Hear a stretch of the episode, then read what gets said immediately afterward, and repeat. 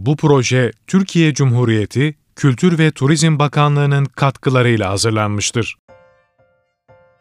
Halka tatlısı ve gül şefteli yemeni. Abdülkadir Hayber. Üstü başı yağlı, yüzü gözü karalı çocuklar ellerindeki sürahileri doldurur doldurmaz anlaşmış gibi yüksek sesle aynı sözü söyleyerek uzaklaşıyorlar. Bu su içilmez. Ana caddeden aşağı doğru inen büyük sokağın kesiştiği köşede deli dolu akan çeşme epeyce yüksekte olduğu için uzanamıyor olmalıyım. Uzansam bile gördüğüm bu ilk çeşmeden su içmeyi bilmiyor olmalıyım. Bir gün önce şehre gelen babamla daha buluşmamıştık. Çeşmeden şakır şakır akan suyu görünce beni şehre getiren adama susadığımı söylemiş olmalıyım. Adam elindeki su kabını dolduran küçük çocuklara yaklaşıyor. Ver şu çocuk içsin diyor. Yalvarır gibi söylese de hiçbiri vermiyor. Suyunu doldurana kadar sesini çıkarmayan çıraklar çığlık atar gibi bu su içilmez diyerek geldikleri yerlere doğru uzaklaşıyorlar. Onların doldurdukları sürahilerini vermeyeceklerini anlayan adam büyük avuçlarıyla bana su içirmeye çalışıyor.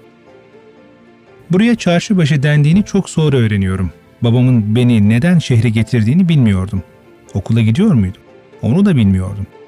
Sonraları okumak için getirilip bırakılıyorum bir uzak akrabanın yanına. Şu köşede duvarda gece gündüz sürekli akan bir çeşme vardı. Kapatmışlar. Desem bu oğluma ve karıma bir şey söylemeyecek.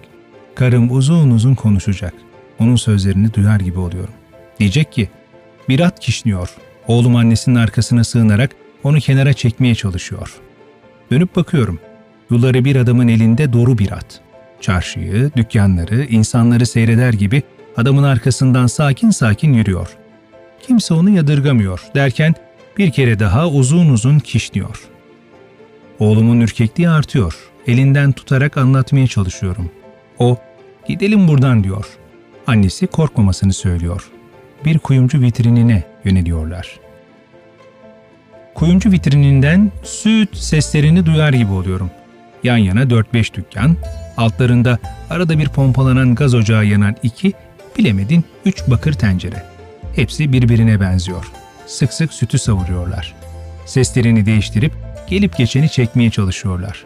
Çorbalarının nasıl olduğunu bilmiyorum ama sütü şekerle boğduklarını biliyorum. Sütçü ya da çorbacıların hepsi öğleye doğru tatlıcı, akşama doğru paçacı oluyor.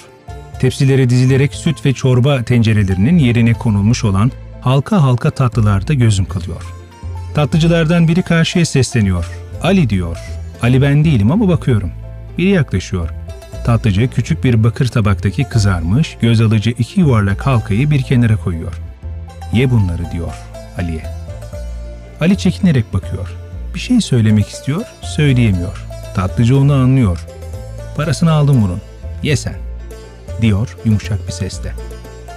Bir bardak su bırakıyor tatlı tabağının yanına. Ali anlatmak istediği her şeyi dile getiren bir çekingenlikle tatlıcıya bir kere daha bakıyor. Elleri titreyerek tabaktaki halkalara uzanıyor. Karım kuyumcuda bir şeyler gösteriyor. Oğlum gidelim diyor. Olur gidelim diyorum. Onlara önce burada sütçülerin, tatlıcıların olduğunu anlatacağım sırada karım rengi kızarmış halka tatlılara benzeyen kuyumcunun vitrinini süsleyen altınları işaret ederek gidelim diyor. Baban bunlarla ilgilenmez, gidelim diyor oğluma. Sözüm ağzımda kalıyor. Anlatamıyorum. Az ileriden yukarı doğru kıvrılarak uzanan caddeye gitsem önce demircileri, sonra bıçakçıları ve ağaç işleyenleri göreceğim. Demirci ustalarının büyük çekişlerinin ardından güçlü kuvvetli kalfaların bir düzenle ard arda ahenkle inip kalkan balyozlarının altında kızarmış demirler şekilleniyor. Onları seyrederken örse inip kalkan balyozların sırasının karışmamasına şaşıyorum. Balyozların inişinden çıkan düzenli seslerle çevreye kıvılcımlar saçılıyor. Demircilerin dövdüğü demirler bir şarkıda olduğu gibi tunç mu oluyordu? Onu bilmiyorum.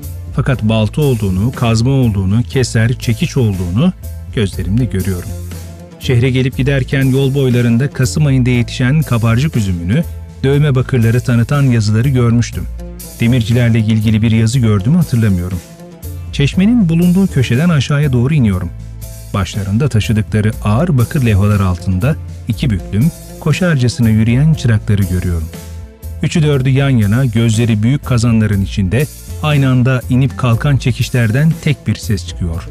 Demircilerin ahengi bir başkaydı. Hadi diyorum. Bakırcılar çarşısından geçelim diyorum. Oradan dondurmacıya gideceğimizi söylüyorum. Ne bakır levhaları taşıyan çırakları ne de bakır döven kalfaları, ustaları görüyorum.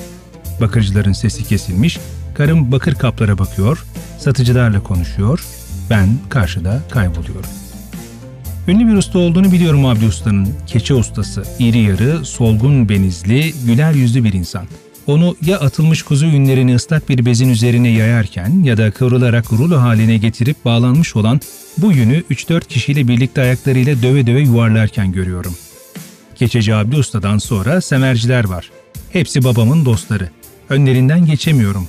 13-14 yaşının çekingenliğiyle Abdi Usta'ya gideceğim. Bir iki kere karşıdan geçiyorum, Abdi Usta'nın dükkanına bakıyorum. Her zamanki gibi çalıştığını görüyorum. En az 3-4 kere kendimi göstermeden gelip geçiyorum. Babamın paran biterse al dedikleri arasında Abdi Usta da vardı. Kolay mı istemek? Almak diyorum. Sonra hadi Mustafa diyorum kendi kendime. Kızarıp bozarıyorum. Kanter içinde kalıyorum. Ayaklarımı yere basmaktan çekiniyorum. Neden sonra başım önümde, ağzım kupkuru, dilim damağıma yapışmış, ayaklarımı sürükleyerek Abdi Usta'nın dükkanına varıyorum. Duymasam da kendi kendime çok söylediğim için ağzımdan Abdi emmi sözünün çıktığını biliyorum. Usta beni görür görmez işini bırakarak o babacan tavrı ve güler yüzüyle bana doğru gelirken iki elinin parmaklarını yeleğinin küçük ceplerine sokuyor. Kaç lira diyor yavaşça. Parayı elime uzatıyor. Başka bir ihtiyacın var mı? Her zaman gel diyor. Hayır diyorum. Bu sefer sesimi ben de duyuyorum. O işine dönüyor. Dükkanı geçer geçmez sanki koşarak uzaklaşıyorum. Karım küçük bir bakır tepsiyi gösteriyor. Bunu alalım diyor. Alalım diyorum. Eskiden dövme olurdu bakırlar diyorum. İstersen ben bunu çekişleteyim. Dövme gibi görünür. Kalmadı eski dövme bakırlar diyor satıcı. İyi olur. Eskiyi hatırlatır diyorum. Elimde çekişle desenlenmiş bakır tepsi birlikte yürüyoruz. Oğlum hemen her dükkanın önünde gördüğüyle ilgileniyor. Çoğu karşılık bulamayan sorularının ardı arkası kesilmiyor. Sorularla kapalı çarşıya gidiyoruz. Oğlum şaşkın. Bunlar ne diyor? Tezgahların üzerinde uçları sarkan dizi dizi renk renk kumaş topları. Cıvıl cıvıl basmalar. Kırlardaki, parklardaki, bahçelerdeki çiçeklerden, çimenlerden daha canlı görünüyor.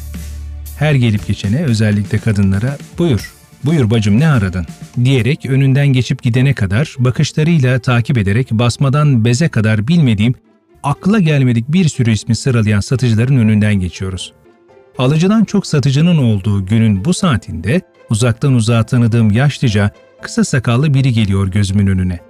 Ölen dedemin dostu olan bu adam alışverişle ilişkisini çoktandır kesmişti.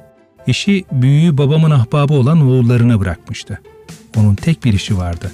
Kapalı çarşının büyük mağazalarından biri olan iş yerini sabah erkenden açmak, akşam kapanışını görmek.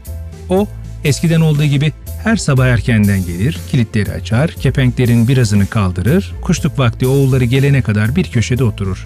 Sonra göz önünden çekilip giderdi. Buranın müşterileri daha çok şehir dışından gelen kimselerdi. Karıma bunları anlatıyorum. Yine birden fazla anlama gelen bakışlarıyla karşılaşıyorum. Dondurmayı unutan oğlum dükkanların önündeki uçları sarkan pazenlere, emprimelere, patiskalara, basmalara dokunmadan geçmiyor. Kapalı çarşının sonuna doğru yaklaşıyoruz. Çarşının bu girişinde adını mahalledeki kadınlardan çok duyduğum Ali Haydar ve karşısında Taşan var. Sanki çarşının bezirgan başı bunlardı. Taşan'ı biliyorum. Kültürel geçmişi bir yana, şehrin kurtuluş destanının önderlerinden Evliya Efendi'nin Fransızlar ve onların uşağı olan Ermeniler tarafından şehit edildiği Taşan'ı biliyorum. Bu büyük ve çarşının içindekilere göre daha gösterişli olan mağazanın sahibi bir miras yediydi. Taşan ve bütün varlığı karısından gelmekteydi. Sürekli mağazanın içinde yüksekçe bir kürsüde otururdu, ölçmeye, biçmeye, alışa verişe karışmazdı. Bunlar yanında çalışanların işiydi. Sürekli dudaklarında sigara, kızarmış gözlerle o da gelip geçene bakardı. Bakışlarından ürken müşteriler giderek azalmıştı. Taşan'ın müşterisi daha çok şehir halkıydı. Oldukça gösterişli ve yakışıklı olan bu adamın asıl mesleği terzilikti. giydiğini yakıştırırdı. Şehrin zenginlerinden birinin kızı bu görünüşe gönlünü kaptırınca her şey değişmişti. Alın terinin karışmadığı hazır servetten başı dönmüştü. Daha terzi kalfası iken bile bütün kazandığını alkole verirdi. Ona göre içmenin sabah akşamı yoktu. İçkiden sarhoş olmazdı. Yalnız gözleri kızarırdı. Onun çok eskilerde kalan terziliğini belki daha çarşıda bilenler vardı. Kızarmış gözlerinden ürken müşteriler çekilmişti. Onun bakışlarıyla karşılaşmamak için taşanın önünden geçen kadınlar yönlerini öteye çevirerek adımlarını sıklaştırarak geçip gitmişlerdir. Ali Haydar mağazanın sahibinin adıydı. İlk tanıdığım okul arkadaşım Cengiz'in ve benim öğrencilik yıllarında oturduğumuz kenar mahalledeki kadınlardan onun adını söyleyenler karşısındakilere hava atıyorlardı. Söz arasında çarşıya girmedim, hemen Ali Haydar'dan alıp geldim diyorlardı. Kaça aldıklarını çabucak unutuyorlardı sözde. Aslında onların hemen hepsi aynı yerden alışveriş ederlerdi. Haftada bir ayaklarına gelen eşekli manifaturacıdan. Üzerine yerleştirdikleri tezgahtan sarkan basmalardan zavallı eşeğin ancak başı görünürdü. Ayaklarına kadar gelen bu gezici mağazanın başına toplanan kadınlar alacaklarını alırlar, parasını ellerine geçtikçe bölük pörçük ödemek üzere deftere yazdırırlardı. Kapalı çarşıya Ali Haydar'a gidenler de gezmek, şöyle bir gönül eğlendirmek için giderlerdi. Kapalı çarşıda ayakkabıcıları gören oğlum allı güllü basmaları unutuyor. Anne bunlar ne? diyor yine her şeyi unutarak. Başından sonuna kadar çarşının bütün dükkanları birbirine benziyor. Yere paralel olarak kaldırılmış olan tahta kepenklerden onlarca, yüzlerce, belki binlercesi birden sarkan ayakkabı salkımları. Birbirine karışmış, göz alıcı her boyda renkli çarıklar, edikler, terlikler, patikler. Ne kadar çok. Bunları kim alıyor anne? diyor oğlum. Kadınlar ve daha çok çocuklar için kepenklerden sarkan bu ayakkabı salkımlarının arkasında çalışan yaşlıca ustalar görünüyor. Onlar yenilerini yapmak için uğraşıyorlar. Boş oturmaya alışmamışlar. Önlerindeki büyükçe bir kütüğün üzerinde ölçüp biçiyorlar, parçalarını birleştiriyorlar.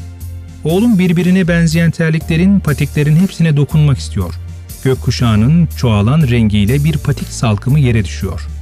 Düşürdüm bak, çekiştirip durma öyle, diyerek yerdekileri kaldırmaya çalışıyor karım. Bir şey olmaz, dokunma çocuğa, diyor yaşlı usta gülümseyerek. Göz kamaştıran renkler arasından iki çift seçiyorlar. Birini bırakıp ötekini alan oğlum, hangisini alacağına karar veremiyor. Beğendinse ikisini de alalım, diyor karım ve öyle de oluyor. Usta çırak bulunmadığından kendilerinden sonra bu mesleğin biteceğinden yakınıyor. Karımla koyu bir sohbete koyuluyorlar. Neden sonra karım ünlü bir yazarın burayla ilgili yazısından tanıdığı Gülşef Deli Yemeni'yi soruyor. Usta, genç bir hanımın Gülşef Deli Yemeni'yi bilmesine seviniyor. Onu yapan 2-3 ustanın kaldığını, yakında bu Yemeni'nin de unutulacağını üzülerek söylüyor. Çarşıda bir iki yer salıklıyor karıma. Benden selam söyleyin diyor. Söylediklerinden etkileniyorum. Onların durumu bana, çarşı başı beklerim, vay benim emeklerim türküsünü hatırlatıyor. Hadi Mustafa diyorum kendi kendime. Çeşmeden Abdi Usta'ya, Taşan'dan mahallelerdeki eşekli basmacıya kadar hepsi sana kaldı. Yine anlatamadın, anlatamazsın diyorum. Karımın elinde gül şefteli yemini, oğlumun elinde bir çarık ve bir patik.